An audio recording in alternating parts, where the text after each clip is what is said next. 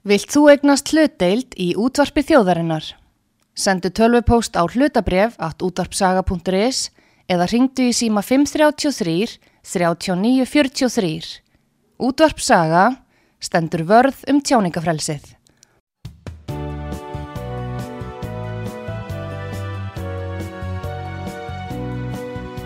Sýteðis útvarpið á útvarpisögu í umsjón Arnþróðar Karlsdóttur.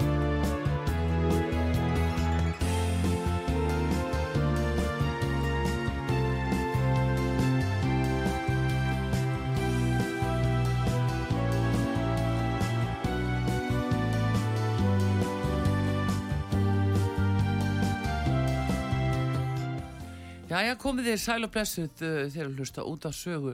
Arþrúð Kallstóttir hilsar ykkur. Og það komið til mín Lilja Dögg Alfriðstóttir menningar, ferða og viðskiptar á þeirra.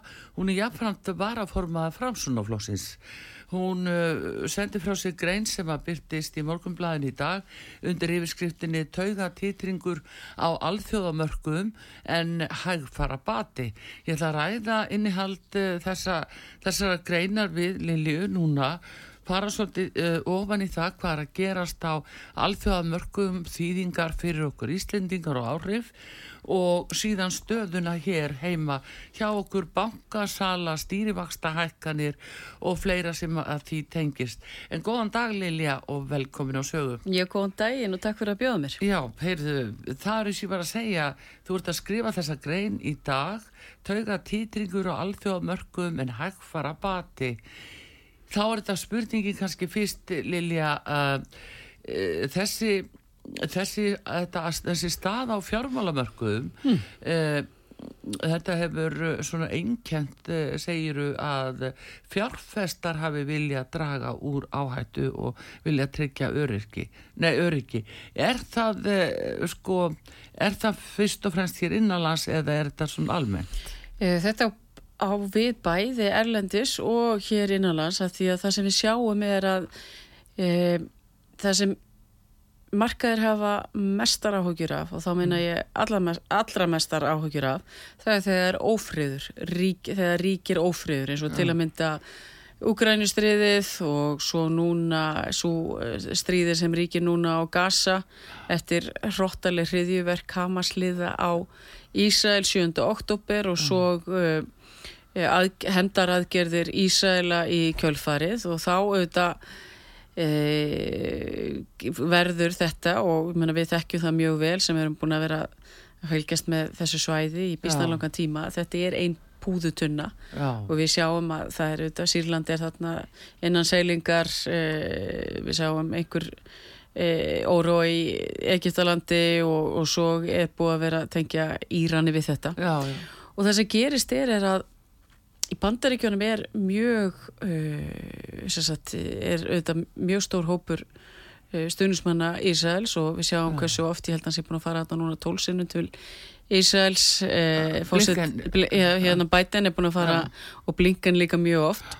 Og Ísrael er einn helsti bandamæður bandaríkjana og þannig stríð þarna og stríðsregstur Ísraela mm hefur bara mjög neikvæð áhrif á væntingar markaðisæðila í bandaríkjónum og það sem við sjáum uh, við sjáum að markaðinir hafa verið svona frekar uh, rauðir síðustu daga eftir að þessir hérna atbyrðir áttu sér stað. Og við sjáum enn eins og uh, fórstjóru JP Morgan Chase, Jamie Dimon og, og svo hann hérna svo alþjóðlega fjárfestan Ray Dalio sem segja bara nú eru svolítið erfir tíma framöndan, við erum með hátt vakstastig, við erum með pólitísk, eða sko mikinn óró í pólitíkinni og alþjóða vísu við sjáum ekki fyrir endan á, á hverju þess að stríð, stríði í Úgrænu, ég menna það mm. er núna búið að geisa í talsværslangan tíma og svo erum við að tala um uh, svæði sem er meira og minna búið að vera í einhvers konar ójafvægi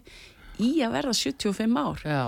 og svo gerist það nú venjulega að þegar við sjáum stýrivexti fara að lækka sem þetta mun gerast, ekki kannski alveg strax en fljótlega, mm. að þá hefur þetta bara neikvæð áhrif og, og, og sem veldu því að margir fara að kaupa ríkiskuldabref, mm. bandarísk, e, það verður svona flutning, eh, flutningu fjármaks inn í örugari ríki mm. eins og Sviss, bandaríkin og það sem er friður. Og við auðvitað finnum það hér á Íslandi að, að þegar margir heldu að Úgrænustríðið myndi hafa neikvæð áhrif til að mynda mm. á ferðarþjónustu og, og ég segast halda að þetta hefði eiginlega öfug áhrif mm -hmm. að því bara hvar við varum staðsett hins vegar er það svo að við erum auðvitað ekki einangruð frá þessu og eitt af því sem við auðvitað verðum hef, hefur ekki farið fram hjá okkur að í fyrsta sinni mjög langan tíma þá hefur verðbólka verið svolítið mikið innflutt þar að segja uppbrunni hennar hefur í minna mæli en áður týðkast mm. þó að við sjáum hækkanir á innlendum Eh, liðum líka meðal annars uh, út af hérna e, út af kaupmáttar aukningu sem er núna að við svo ganga tilbaka og allt það mm. að þá hefur við verið að sjá til að mynda eins og 90% hækkun á kaffi. E, við hefum verið að sjá e, hækkun á mikið af afurðum sem er innihalda mikið sigur af því því að það var uppskerubrestur út af óbúslega miklu hérna, flóðum og, og hítum það sem er verið að framleiða sigur mm. þannig að við erum að sjá alls konar svona nýja þætti koma inn í mm. efnagashorfur hér á landi mm. uh, og þá segi ég alltaf hérna, við þurfum alltaf að við þurfum að standa okkur við þurfum að standa okkur rosalega vel þegar það eru svona óvissu tímar. Við þurfum að hafa þá góð tök á ríkisfjármálunum. No við þurfum að eh, stuðlega því og, og sem betur fer þá gengur okkur mjög vel með alla okkar uh, allar okkar allan okkar útflutning og sem það sé sjáarútvögur uh, orku, orkufregur yðnaður eða ferðarþjónusta og svo hugverkadrifin hug, þessi hugverkadrifni yðnaður og þetta hjálpar auðvitað við það að það sé ákveðin stuðuleiki sem ríkir varandi gældirismarkaðan og krónun okkar. Já, en uh, þú ert að tala um sko þessa stöðu að heimsvísu og hugsanlega áhrif á okkur og talar um hérna stuðningamilli vandaríkjan og Ísrael. Það kannski, við svona vita flestir, en það er annað í Ísungi sem getur spilað inn í Lilja, það er BRICS. Það er, uh, sko, það verið tala nokkuð um það að þessi staðrind að Bryggs-löndin eh, þar að segja uh, Brasilia, Rúsland, Indland, Kína, Söður Afrika, jafnvel núna Íran og, og fleiri ríki sem er að reyna að komast þar inn. Þetta sé sko hafið þau áhrif að það veiki svo dollaran að dollarin sem að, að aðal viðskipta mynd heimsins að þetta hafi svo mikið láhrif þannig að, að þessuna sé þetta svo hættulegt fyrir bandaríkjamarkað og bara öll ríki sem er við, með viðskipti í, í dollara hvað segir um þetta? hafið þið farið eitthvað ofan í þetta mál?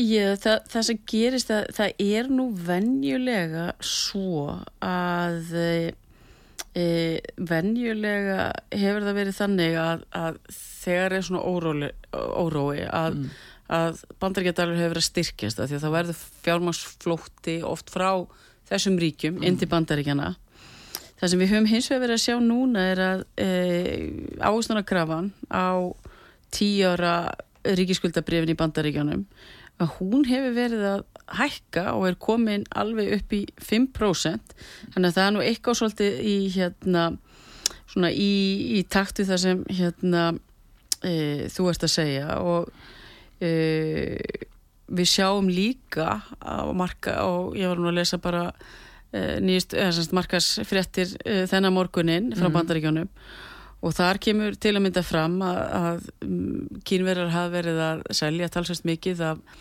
skuldabrifum, bandarískum skuldabrifum og, og þegar þau gera það þá hefur það einmitt þessi áhrif að, að ástunarkraman fyrir að hækka mm. og e, og það sem er svolítið óvenjulegt þessar stöðu sem er akkurat í dag er að e, vextir í bandaríkjónum þeir hafi ekki verið hærri núna í 22 ár mm.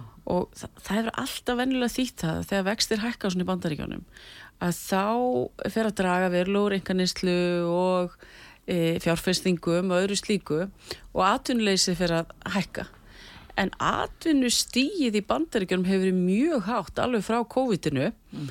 og margir eru svona veltaði fyrir sig hvort það er svona miklar umfangsmiklar aðgerðir á bandaríska sælabankana þegar hann fór í það á COVID-tímanum og eftir fjármálarunni þá fór hann að kifti ríkispappýra og meira þess að fyrirtækja pappýra mm. og þannig að svona peningamagn í umferð mm. er búið að fara úr einhverjum svona, svona frá 2007 svona 500 miljörðum bandaríkjadala í tæpa 8 triljónir bandaríkjadala yeah. og þetta getur verið svolítið stór liður í því að, að, að stýrvaksstahækkan í bandaríkjónum séu ekki að virka eins og menn byggust við. Svo eru margir aðri þættir sem spila þarna líka inn í vinnumarkaðurinn er bísna spentur það er að segja, það er, það er, það er leitun af fólki mm -hmm. og það er til dæmis eitt af því sem hefur að drífa áfram verð á, á fluttningum á milli landa, það hefur til dæmis mörg bandarisk hérna fluttningsfyrirtæki, þau hafa lendið erfileikum með að ráða fólk. Og tímabili jógst fluttningskostnaður um 40% og af hverju erum við svona að spjallum þetta og af hverju mm. ég sem Eh, hérna, viðskiptar á þeirra að skrifa á þessum nótum ég tel að sé svo mikilvægt að við áttum okkur á mm. stóru breytum hvað er að gerast mm. til þess að skilja betur og taka e, upplýstar ágarðanir um þessi næstu skref sem við erum að taka Hérlendis. Já, það er mitt eh, gott úr hefnina því að hérna um, þegar við sögum munum úr hrunu, bankarhrunu hérna 2008 að þá var talað um bara, já það voru lemansbróðis í bandaríkjörnum sem fjallu og þá hafði það þessi rosalu áhrif. Er við hugsalið einhverju svona stöðu að sé einhver einn lánalína sem að gæti snúi hér öll á mm. Ég held að við séum ekki, við erum ekki einhverjum, við erum alls ekki, eh, sem sagt, maður höfum aldrei verið einhver, einhver, einhver spákona, mm. en við erum ekki á þannig stað, myndi ég segja. Mm. Það sem er hins vegar að gerast er að það eru svona ákveðin svona óvöðuski, eins og til að mynda að e, markasæðilar hafa í bandaríkjum þeir hafa ekki trú á því að, að, að vextir lækir hratt að því að verbulgan er hærri en þeir gerður á fyrir á þessum tímapunkti. Það veru, veru hækkun viða í bandaríkjum á mörgum Já, og hérna uh, og svo þessum en til dæmis eins og verðbólgan í bandaríkjum ég held að hún sé síðustu mælingar 3,7 meðan hún er í kringum 1% í Danmörku. Já, já, já.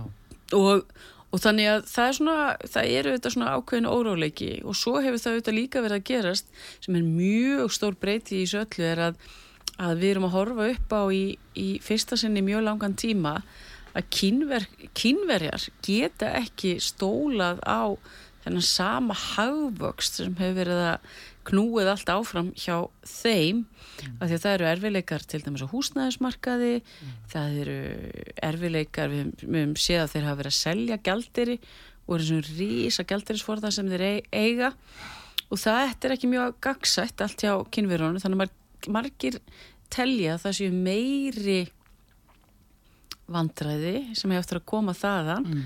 en við gerum á þannig að þetta er svona Kína er óvissu þáttur og Já. svo hefur það auðvitað gæst er að, að margir hafa verið að flytja störf frá Kína aftur til bandaríkjana og það, það felur það í sér að, að kostnæður er þá að aukast mm -hmm. sem ítir undir verðbólkuna Jú, jú, og þá líka samaskapi að, að, að sko, Evrópa hefur leita kannski eh, óbenni mikið til Kína núnum framleiðslu sem þýðir að Evrópa líður fyrir það en Kína tekur markaðinn. Þannig að þessi kannski þáttur hversu vel þeir standa mm. eða standa ekki hann er bara jæfnvel óþægt stærn Já, ég meina, það eru þetta alltaf þannig og þú þekkir það þetta hérna manna best að, að þegar stjórnarfarið er með þeim hætti eins og það er í Kína mm. að þá eigum við bara mjög oft erfitt með að átt okkur á því alveg hvað er að gerast þar og, þa og það, bara það mm. býr til óvissu eins og e, það er undir öllum eðlum aðstæðum þá ætti til að mynda kynski gjaldmiðlin, Remembi mm. að vera meira notaður í alþjóða viðskiptum að því að Kín er svo stórt. En eina ástæðan fyrir því að hann er ekki eins mikið notaður er út af því sem þú varst nákvæmlega að segja er að það er ekki það mikið gagsægi um stjórn, stjórnarhætti. Og ég menna við höfum alveg heist að þegar einn eða tveir áþeirar þeir hafa svona þeir hafa svona kannski bara farið, farið allt innu mjög lítið fyrir þeim já. og eitt og annað já, já. en þá er þetta náttúrulega líka aftur spurningin um Bryggs á áhrifin það, þar eru konum með sinn um, gjaldmiðl eða minnskosti e, e, eitthvað reynsli á milli þessara Bryggs landa og, og, og það er bara, þetta er mikið lofisa og áframhaldandi óráfi svona í heimskerfinu. Já og, það, og við hérna, við verum að taka með því og þegar við erum lítið opið hagkerfi eins og okkar er, þá þurfum við að sína sérstakann aga og festu í meðferð eh, og stjórn ríkisfjármála, peningastefnu, mm. vinnumarkaðurinn, fjármálamarkaður og annað slikt. Mm. Hér eru að mínum að þið og er að við erum hérna, við erum mjög lánsum þjóð mm. að því letinu til að hér er mjög hátt atvinnustig hér er mikið hláfaukstur en við erum að kljást við enn allt of háa verðbólgu og við höfum oft rætt þetta hérna já, við tvær já. hér að, og verðbólgan er þannig að hún bytnar vest á þeim sem síst skildi og það er að mínu mati og okkar í framsókn algjört forgangsmál að ná tökum á henni mm. ég bind ákveðna vonir við það við sjáum hana lækka uh, á næstu misserum uh, eftir kannski svona tvo mánuði eða svo að hún byrja að lækka uh, já bara vonandi svona bísna mikið En það er alveg ljóst að það er mjög erfitt að, að fara inn í, í kjærasamninga þegar verbulgan er svona há. Já, ég ætla einmitt að fara í löndumálinn bara eftir östund, östund við þið en uh, aðeins að Evrópu fyrst, að þannig erum við að reyna átt okkur á uh, löndum utan sengen og, og annað en uh, staðan í Evrópu núna hún er þung við það eins og þú ert að skrifa um Þískaland. Mhm. Mm Já, Þískaland hefur sagt, e, þeir voru að e, þeir stóluðu svo mikið á ódýra orgu frá Rúslandi Já. ódýra ódýrt hérna e, ódýrt gas til húsitunar mm. og ólju og svo þegar e, innrása stríði hefst að þá er skrúað fyrir þessi viðskipti og uh, þjóðverðar skrúfuðu líka fyrir kjartnorkun á sínu tíma eftir, eftir, eftir slísið í, í Japan. Já því og, þeir treystu líka Nord Stream. Já, já þeir algjörlega og það, þetta átti alltaf gangi út á það. Og þá auðvitað þegar svona eitt liður í framleiðslunni sem er auðvitað mjög mikilvæg og sem er orka ef hann hækkar svona mikið mm -hmm að þá þetta verður öll framleysla frá þínu landi mun dýrari og það svona hægir á öllu mm. þjóðverðar eru náttúrulega samt sem áður þannig að þeir reyna nú að hafa vaði fyrir neðan sig í svona og eru þetta mjög sterkir í allri yðnaða framleyslu en það er að hægjast vísna hratt á öllu í Evrópu og ef við bara lítum til að mynda á landi eins og Ítalju mm -hmm. ótrúlega með Ítalju það er svo rosalega gaman að heimsækja Ítalju og hún er svo ríka sögu og, mm -hmm. og góðu matur Já en svo einhvern veginn hafa þeir ekkit á 20. stöldun einhvern veginn náð nú að vel utanum hagkerfið eða, eða framtíðina því að mm. þeir skulda orðið um 140-150 bróst að landsframleyslu ja. og þetta er mjög þjóðin er að eldast mjög hratt hún er ekki mikil þeir, er ekki, þeir, sagt, uh, þeir hafa ekki mikil verið að fjölga, fjölga sér mm -hmm. og fórsetur sér á þegar hann þar, hún Meloni, hún uh, er í raun og verið að setja upp einhvers konar efnahags áallun sem miðar að því að reynilega bara að það verði fjölkun þar til að það séu mm. fleiri sem standi undir þessu velferðarkerfi mm.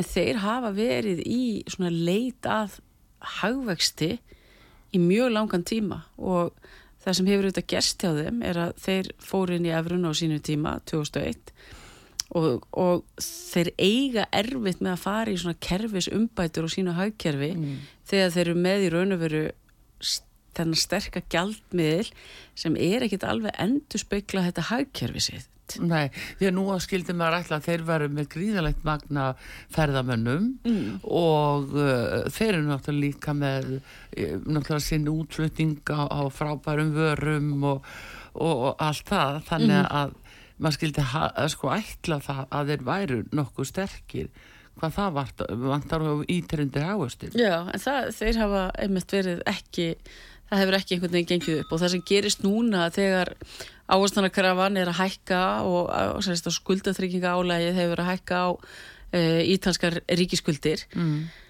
þá fer allt í una þá fara hérna fjárfæstar að hafa ágjör á því hvort að skuldastafan sé sjálfbær Evrópusambandið kom inn í skuldakreppinu 2011 með mjög afgerandi hætti þegar þárandi sælabankastjóri Evróska sælabankan sagði e, Draghi, hann var kallað Super mm. Mario, hann sagði við gerum það sem þarf Já.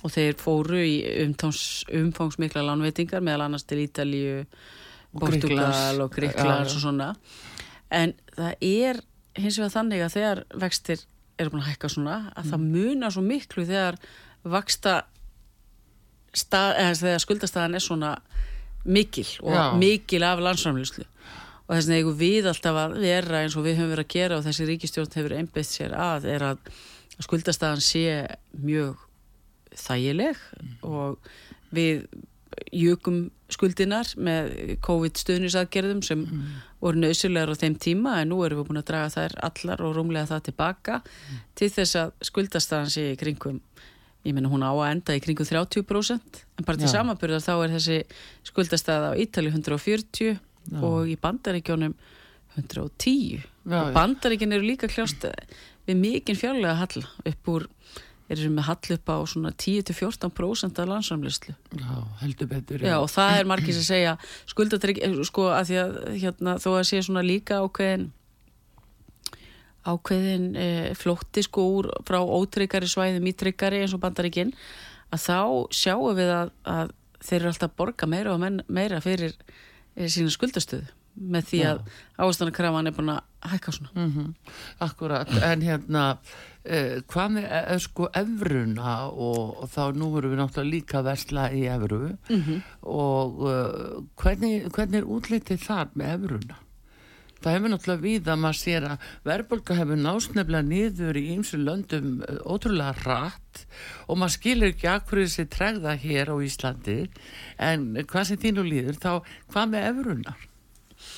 Stendur hún. Já, hún, hún er auðvitað stendur ég með þetta er, þetta er auðvitað mjög mörg ríki sem standa baki þessum gjaldmiðli og uh, það er auðvitað þarna einn stæðstu hagkerfi veraldarinnar eins og Þískaland og Frakland og og sem ráðu þetta mjög miklu um í raun og veru bara gengistróun uh, mm. uh, efrunar og það sem ég hef alltaf sagt í sambandi við hérna, hann, sko hún mun taka mið af, sko gjaldmiðl tekur oftast strólti mið af uh, horfunum mm -hmm. eru góðar horfur á því að, að það verði mm. áframaldandi hagvöxtur á þessum stöðum og ræður fólku við skuldastöðuna en það sem vinnur með efrunni að því að það eru þetta er svo margir, mörg ríki sem standa á hann að, að gjaldmiðl sem slíkur bara í krafti stærða sinnar er oft þokkalega stöðugur mm. eh, margir hafa sagt hér og sem er stjórnmáluflokkar í Íslandi að við ættum að taka upp efruna en ég var alltaf við því að því að við erum sérst, hagsveibla eða hagvöxtur á Íslandi mm. hann er ekkert alltaf svo sami og er á efrusvæðinu við erum yngri þjóð Já. við erum mjög uh, semst, þeirra atvinnu semst, það hefur gengið vel hérna í haggjörun og lítið mm. atvinnuleysi og það er ekki gott að vera til að mynda með mikla verbulgu og svo með mjög lága vexti það mm. Bara myndi íta undir mikið ástöðuleika en það er samt sem áður sko eh, varandi gengið og annað það er og sjálfstæði okkar í sem fælst þetta líki því Lilja að eh, við getum eh, svona með handabli styrt eh, nokkuð genginu láta það síga og með það daldið okkar útflutningi og öðru slíku til þess að kannski í fámenninu að við getum lifað af. Já.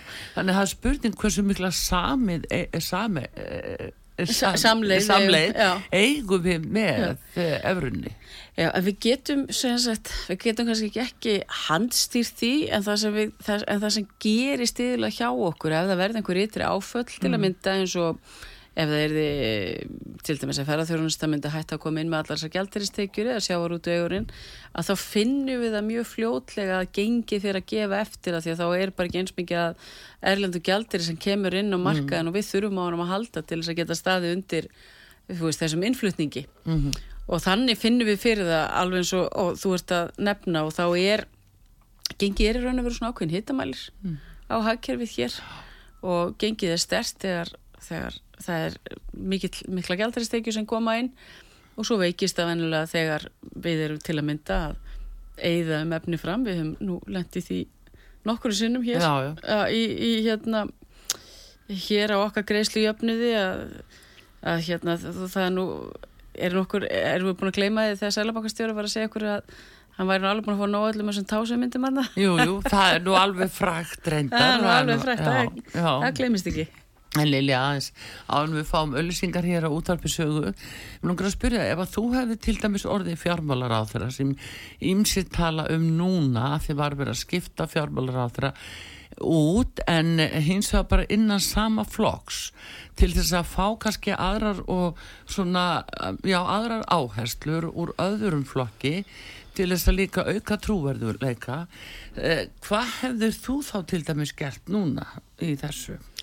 Þetta er svo stór spurning. Já, en mann er auðvitað þegar maður er ríkistjóðnarsamstarfi þá hérna e, e, óskamar að sjálfsögðu nýjum fjármála þeirra vel, velfarða, velfarnar já, já, já, á, í, með, með nýtt hlutverk og, mm. og, og það verður að segjast eins og er að, að e, Þórtís Kolbrún er, er mjög glæsilegu fulltrúi og hennar velgengni og frami innan sjálfstæðisflokksins að ég man ekki eftir því sögu sjálfstæðisflokksins að, að uh, svona ung kona hafi svona mikla ráþurra reynslu eins og Þórti Skólbrún hefur og þannig að hún kemur inn í þetta ennbætti eftir að hafa verið ráþurra í síðan 2016 Já, í dósbánarráðinu Nei, já, hún var líka sko, hún var auðvitað ferðamálar á þeirra mm -hmm. hún var í atvinnuvegar ráðanitinu og það sem ég myndi kannski freka vilja fá svara þessari spurningu þannig hvaða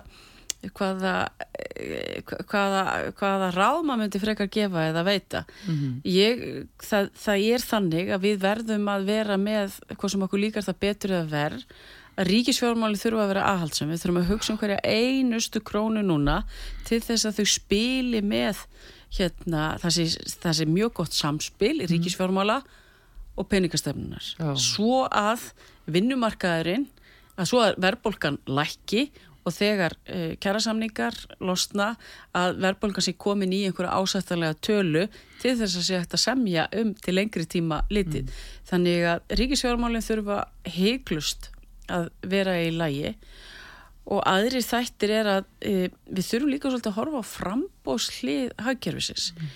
Eitt af því sem hefur verið að gerast, uh, jábæri þó að sé núna ákveði frost á húsnæðismarkaði, að til að liðka fyrir þá þarf að ganga frá því eins og formaði framsóknar er búin að vera að gera er að fara í umfóksmikla samninga við sveitafjöliðin mm. til að tryggja frambóða lóðum Já. ég meina eitt af því sem auðvitað unga fólkið okkar er hund óanægt með og ég skil það mjög vel er að það er svo kostnæðasamt að fjárfyrst í húsnæði mm. og það að eiga hérna örugt þak yfir, yfir höfuði er svona grundvallar atriði í öllum samfélugum og þannig að það sem, það sem þarf að gerast núna á næstu mánuðum er að það, þá að fara á frambúsliðina, þá að skoða ég menna, eru, eru einhverjar, eh, er eitthvað sem er íþvingjandi fyrir uh, atvinnulífið sem við getum mögulega að laga til þess að, að atvinnulífið geti aðtapna sig e, auðvitað innan þess ramma sem æskilegt er og allt það. En það er eitt af því sem e, mörg ríki hafa verið að gera mörg ríki hafa líka sagt heyrðu, við, við ætlum bara að koma verbulgunni, mm. við ætlum að hjálpa Sælabankunum að koma verbulgunni í verbulgumarkmið og verbulgumarkmið 2,5% mm. og eitt af því sem við gerðum núna þegar eh, við tryggðum það að laun aðstu empatismanna, ráð þeirra alþingismanna og fleiri að svo hækkun varð, varð 2,5% bara í takt við verðbólkumarkmiði mm. það var mjög jákvægt við fórum líka í það núna sem var jákvægt að, að hækka ekki gjöld í takt við verðlag eh, sem er líka til þess að hafa áhrif á þessar verðbólku væntingar markasæðila mm -hmm. að því við höfum algjörlega trú á því að við getum nátt tökum á þessu Þannig að það er eitt og annað sem er hægt að fara að nýta tækifæri þegar þessi áskorun er á þessari svo kalluðu e, frambósli til þess að, til þess að, að e, vinna því að hérna að við náum þessari verbulgu niður vegna þess að hún er það sem, það sem er hérna e, annars sem ég myndi leggja sem ég tel að sé mjög mikilvægt og ég tel að sé fullu stöningu við það í ríkistjóninni að það er að við ætlum að standa vörðum heimilin við ætlum Já. að ná þessari verðbólgu þannig niður að þessi, þessi það er mörg heimili sem eru að búa sundi það að þau eru sagt, e, það er komið endur skoðan ákveði í lánasamningana þeirra var þetta vakstakjör mm. og við verðum að skapa þessi skilirði þannig að verðbólgan lækki svo að vextir lækki rætt þannig að heimilin standi ekki fram með fyrir einhverju algjörri stökkbreytingu á sínum íbúðalunum íbúðalánum en það er einmitt þetta sem að fólk er náttúrulega uh, bara í ljósi reynslunar og, og þeirra staðreinda sem að byrst hafa þetta er það sem að fólk eru óttast auðvitað mest. Já, það mjög vel. Ha, og, og svona fylgifiskur uh, við hliðin á fólki út í lífið uh, stöðugur ótti um heimilisitt er náttúrulega ekki góður félagi. Já. en hins vegar það tala mikið um að Sælabankina haldi á hafi þessi tæki og tól og hækka vextu og annað. Eh, ef ég skilða rétt að þá er það hans sem setur útláðarskýliði eins og fyrir fjármálastofnanir. Nýfurinn í kunni stendur eða þar í mínum huga Lilja að uh, bankarnir lán ekki, fólk stendst ekki útlána uh, hérna matið, greiðslumatið. Og þar er vandin samt er þetta kannski fólk sem er að borga 300.000 í húsalega á mánu en uh, því er ekki treystur að borga jafnvel minni upp mm -hmm. í lán, mm -hmm. er þannig ekki akkurat einhver skekkja af því að þeir sem eru jafnvel að reyna að kaupa þær íbúður sem að laus þær eru núna, þær eru á það háu verði að, og með þannig kjörum að, að, hérna, að það eru bara fáið sem geta keft og þetta dæmist bara í að vera leikumarkaður Þarna er kannski stóra, stóra máli.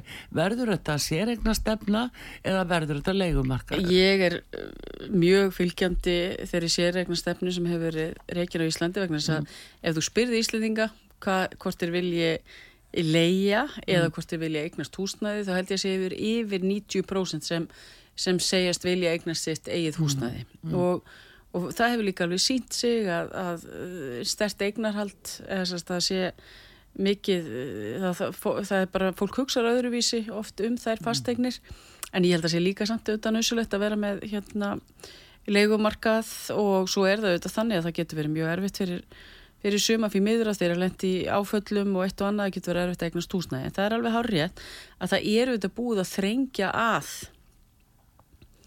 e, lántökum að því að þeir þurfa að eiga meira eigið því í mm. íbúðum en áður vegna þeirra þenslu sem hefur verið á íbúðamarkaði. Ég hef mikla trú á því að um leið og við sjáum verðbólkunar lækka þá munum við sjá vexti lækka og þá verður aftur losað um þessa uh, stíplu á markaðunum mm.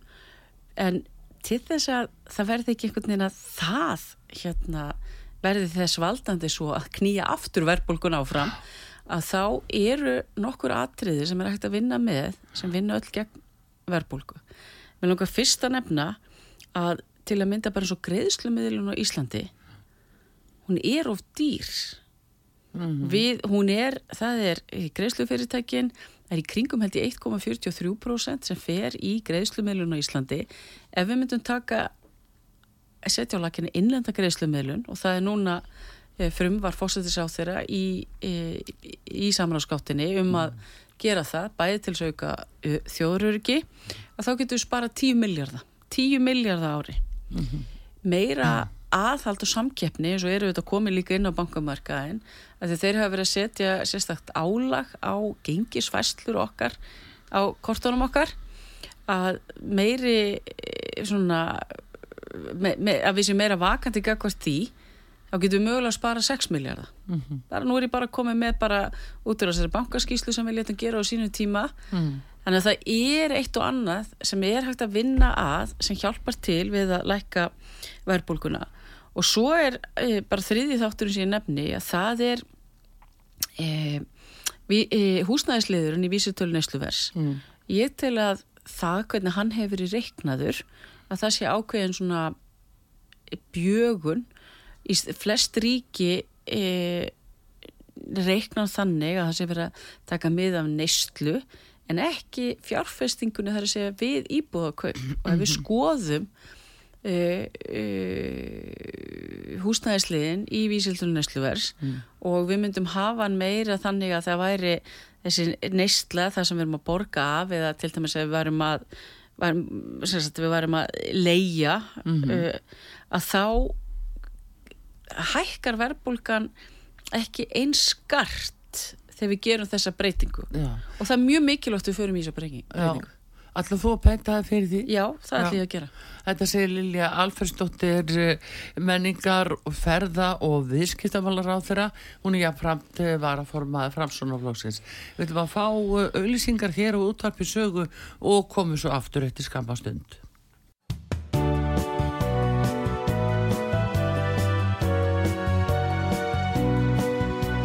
Síðdeðis útvarpið á útvarpisögu í umsjón Arnþróðar Kallstóttur.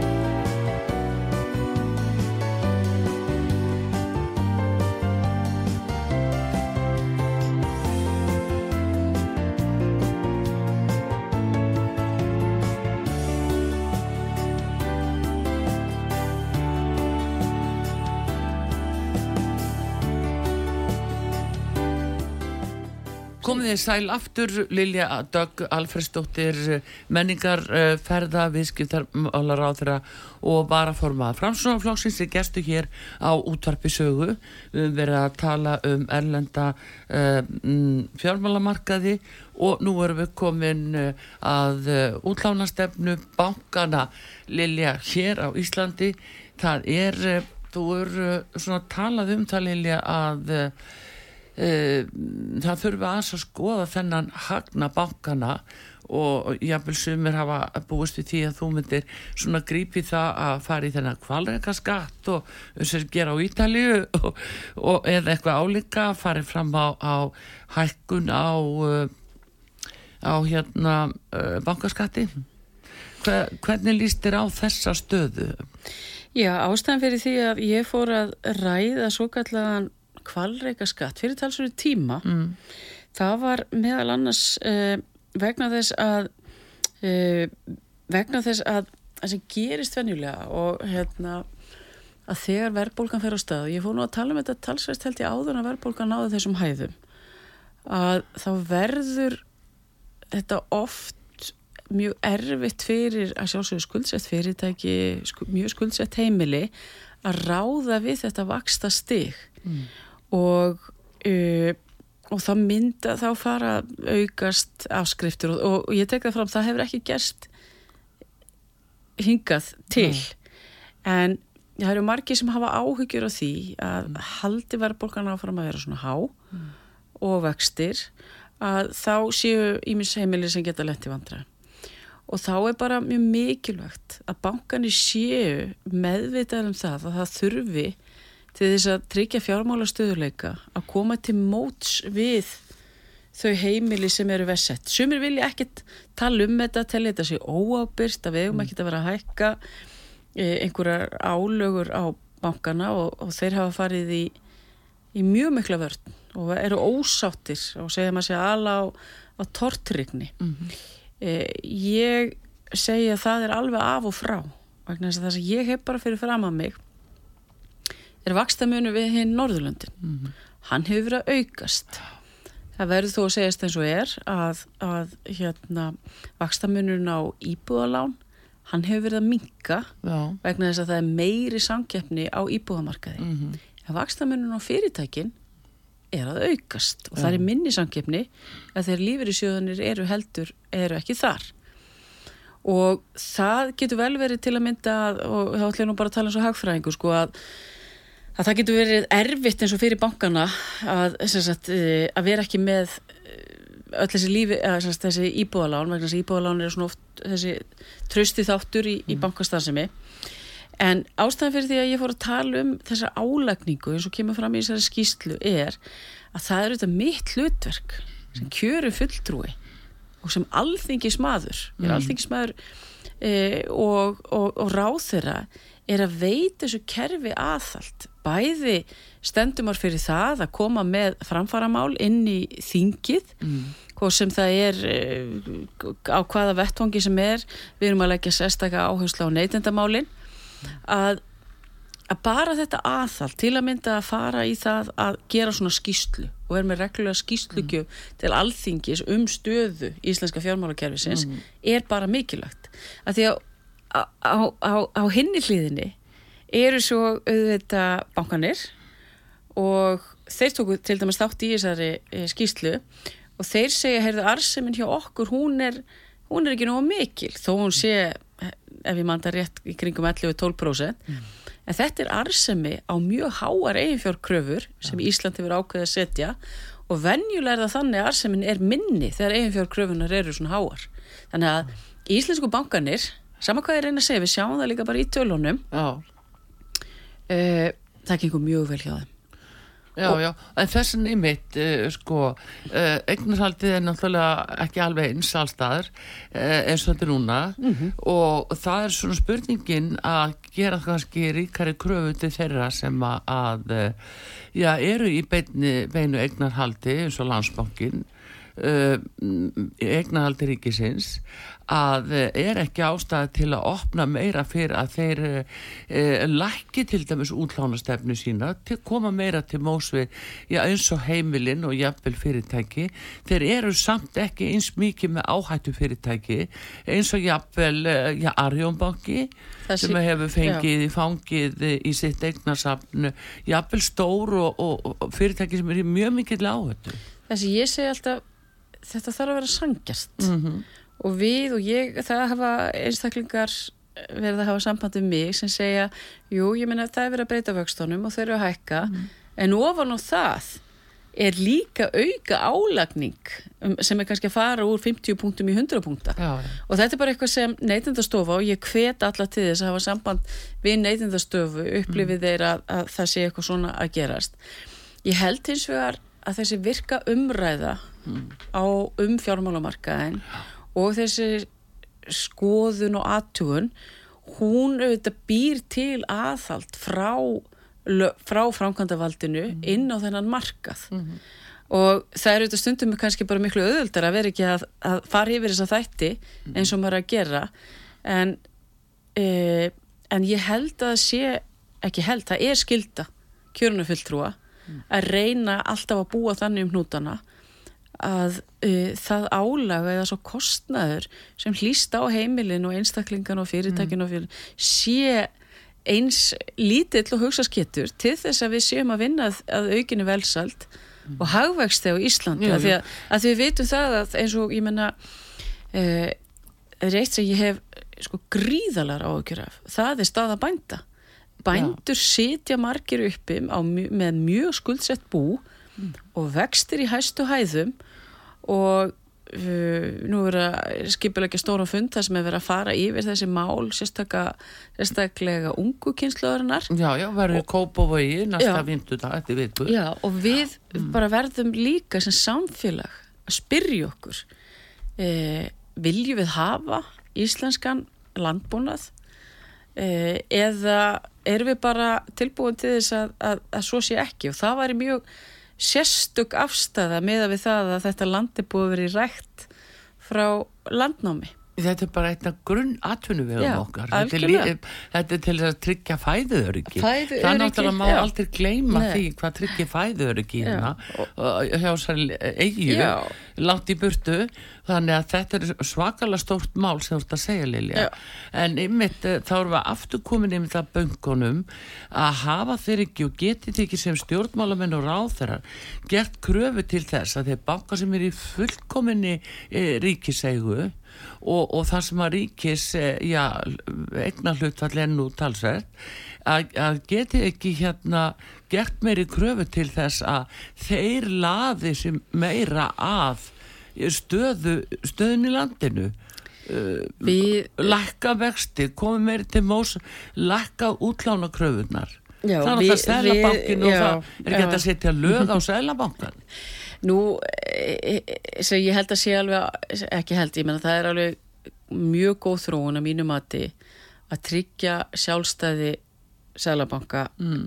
á Íslandi og bara viðan heim vegna þess að bara eins og hérna að því að Sælabanki þarf auðvitað að vera þannig líka að meðan hann þarf að geta lækkað vexti þegar hagkerfið er þannig statt og það er e, slaki í hagkerfinu en hann þarf líka, hvað sem okkur líkar að betur að verð, þá þurfa vextir að vera herri þegar verðbólgan er svona há. Ég, bara, ég segi bara þannig að þú spyrðum það hvort að við getum í raun og sett lög á sælabankan mm. ég held að það sé ekki skynsanlegt upp á hagstjórninu, svo ég segi það alveg hreitt út en, veist, en ef við lítum bara fyrir ekki á hérna bara til dæmis eins og raunvexti mm. ég minna raunvextir á Íslandi e, að því er best veit, eru lærið til að mynda raunvextir í bandaríkjum mm -hmm. að því að hérna, bara verðbólgan þar, ég held að ef ég manna rétt, stýrivextir í Ameríku eru 5,25 og verðbólgan 3,7 meðan svipaða tölur hjá okkur eru 9,25 og svo 8 Já. þú veist, auðvitað er þetta kannski að vera að fara út í einhver hérna, smáatriði en, en við getum og eigum að hafa áhrif þannig á að, að, að bankanir haldi sig samt sem áður innan ákveðins ramma mm. að meðan þeir geta og hafa borð fyrir báru mm. að þá er eigaðir að mínu mati, ég get ekki sagt um að gera það því ég, ég stýri það er búið að setja svona armslengdar armslengt frá böngunum mm. og var ákveða sínum tíma að þá getur við þetta haft skoðun á vakstamunni ef vakstamunni eru aukast mjög mikið sem já, erum að gera já. og þá vil maður auðvitað sjá að, að, að svo kvöldu hérna álag eða margina sem bankan er að taka á sínum viðskiptavinnum að vakstaminnum sé sem minnstur. Já, já, en samt sem áður sko Sælabankin á sínum tíma þetta í COVID, þá er það mert í Sælabankin eh, umtalsverða fjármunni til bankana af því sem að þeim var, það var allast til að þeir myndu hérna lána fyrirtækjum í vanda. En hvað gerðist í raun? Þá bara, eh, þá fugu bara fjárfestingarnar yfir til uns fólk sem var að fjárfesta og er svo í gildru í dag þetta fór svo mikið inn á íbúðamarkaðin í staðin þannig að eitthvað ennu þarna sem þarf held ég að laga er það ekki að, Jú, ég minna um leið og sko, það er svo kallur snjóhengja Já.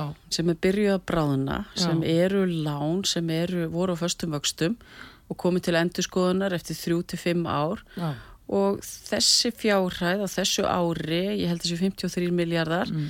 En muni verða alltaf 700 miljardar og við viljum ekki, það verður ekki gott fyrir hagkjörfið okkar að, að við séum ekki búin að ná verbulgunni niður þegar þetta kemur til endurskoðuna hjá fólkinu í landinu. Já, núna eitt uh, svona, uh, þegar ríkistjónin er nú aðeins búin að skipta um stólaði einhverju meðlemi, þá hérna uh, lísti nýri fjármálar á þeirra því yfir að hennar forgámsmál væri að selja, klára að selja Íslandsbáka.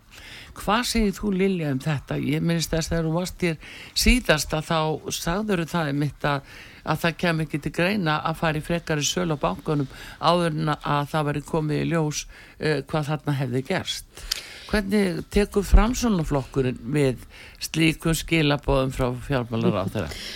Já, ég, nú er það svo að það er ekki búið að fjármála eftirlið Sælabanku Íslands mm. hefur ekki lokið allri sinni könnun á þessari sölu Já.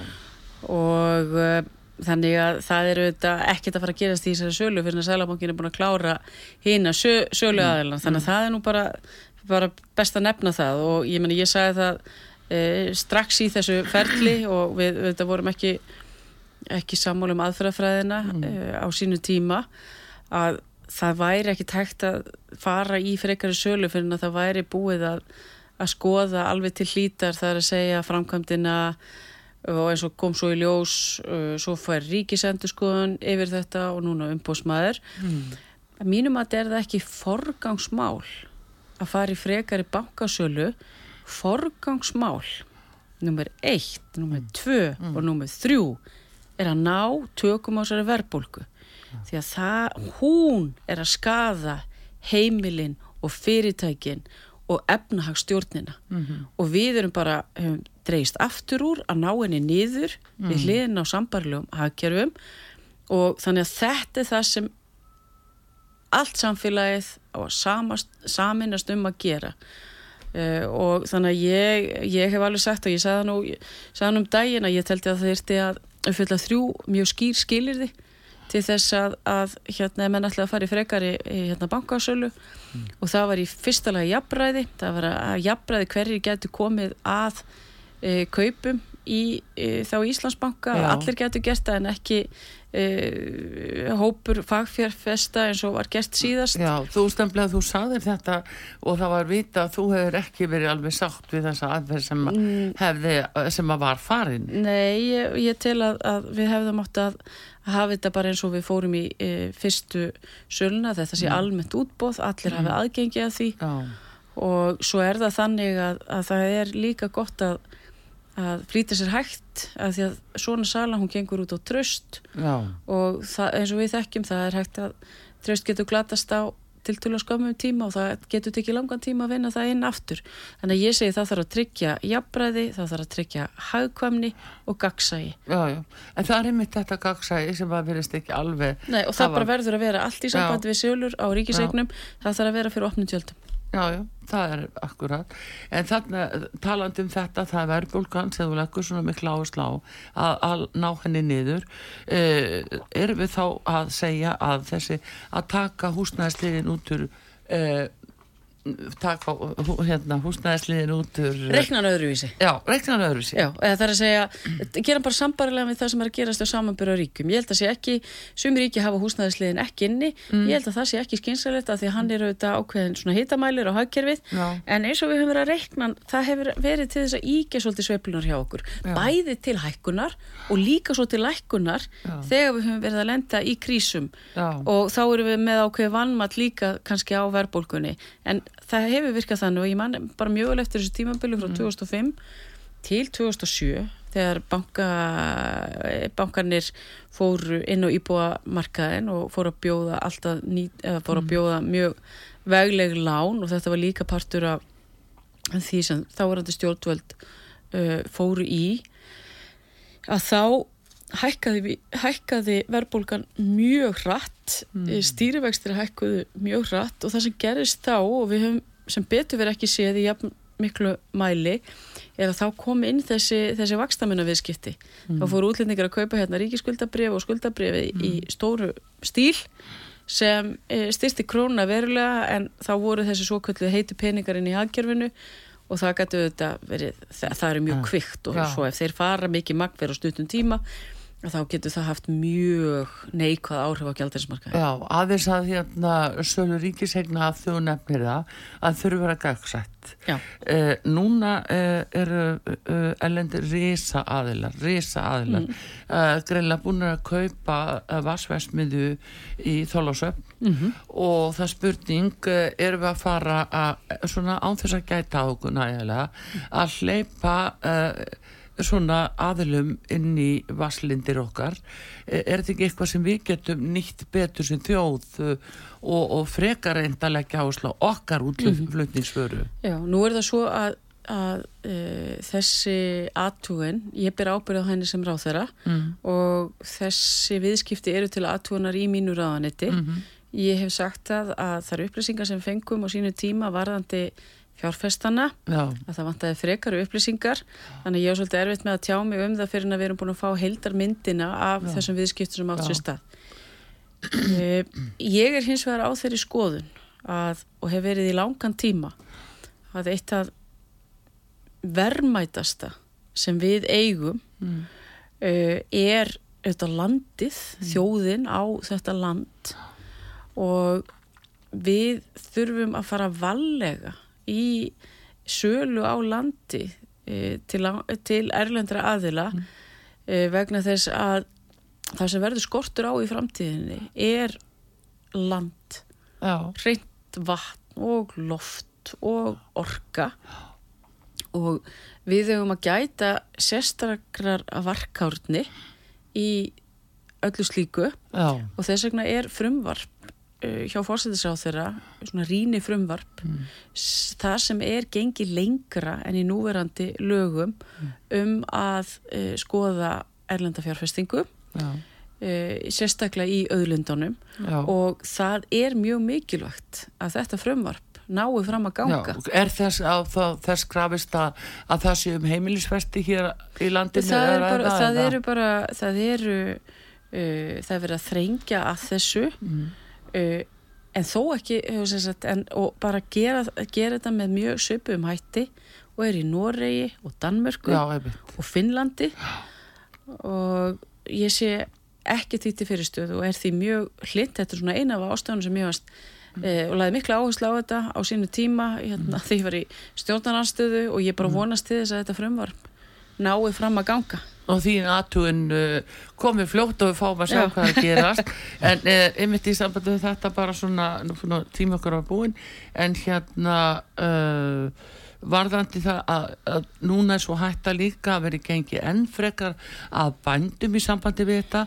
Ef að þeir standa illa þá er svo stutt í jafnvel að þeir sjá ástöðu til að gefast upp eða, já, og síðan þá bara selji eh, næsta manni sem er þó kannski með þessi fjárfestar með allt annað í huga já. þannig að bændur er undir mikill pressu að geta bara lifað af á sinni framleyslu og haldiðinni og fá svo síðan gillibóð frá einhverju sem er bara ná sér í landsvæði til að eh, koma og egnast Ísland Ég meina, framsvonarflokkurinn leggur auðvitað höfuð mm. áherslu á það að starfskilir og starfsumkvöri bænda mm. sé sjálfbært og þeir geti lifað af mm. uh, sínu rekstri og við viljum gera allt sem við mögulega getum til þess að svo megi verða mm. og við finnum auðvitað fyrir auknum þrýstingi sérstaklega út af þessum háu vöxtum mm. og ég tel nú að matvalar á þeirra sé að skoða þetta mjög gömgefilega en þetta er algjörst hjartans mál hjá okkur og ekki, ekki bara hjá okkur heldur hjá allri þjóðinni eins og þú segir, ég menna þetta er sem skiptir öllu máli að það sé hér mjög gott og stert fæðuröryggi Já, já, það er nú það. Og líka við sjáum það að það veru aukinn svona krafa um að það sé ég fara að leggja áherslu á skortir til manneldis mm. og, og jafnvel þá kostnað kjöts og, og, og bara landbúnar afur Ætla þú að fara að bora skort? Nei, Nei. en ég meina að þetta er þetta eru bara mál sem sveima þarna yfir okkur já, já, Ég vildi bara svona spurja vera með svona eina lög létta í lókin Já, já mér finnst þetta ekki. Ef að vera að fara að setja þetta í fóður og, og, og, og setja þetta á skemmundar okkar. Hvert eru við komin? Ég veit það ekki Lilja.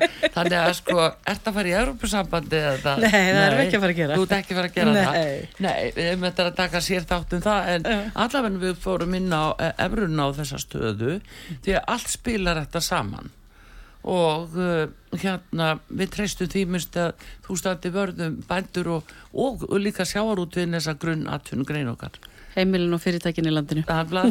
Lilja Alfredsdóttir þetta verða síðust orðin í bili og Lilja er menningar eh, ferðamála og viðskiptar á þeirra ásandi að vera að vara formaða frá svona flósins við þakkum henni kella fyrir komina höldum áfram að fylgjast með henni í ennbætti og Artur Kallstóttir og Þorsteit Sigursson takk fyrir sig. Takk kærlega fyrir og alltaf gaman að koma engað Takk fyrir, Takk fyrir.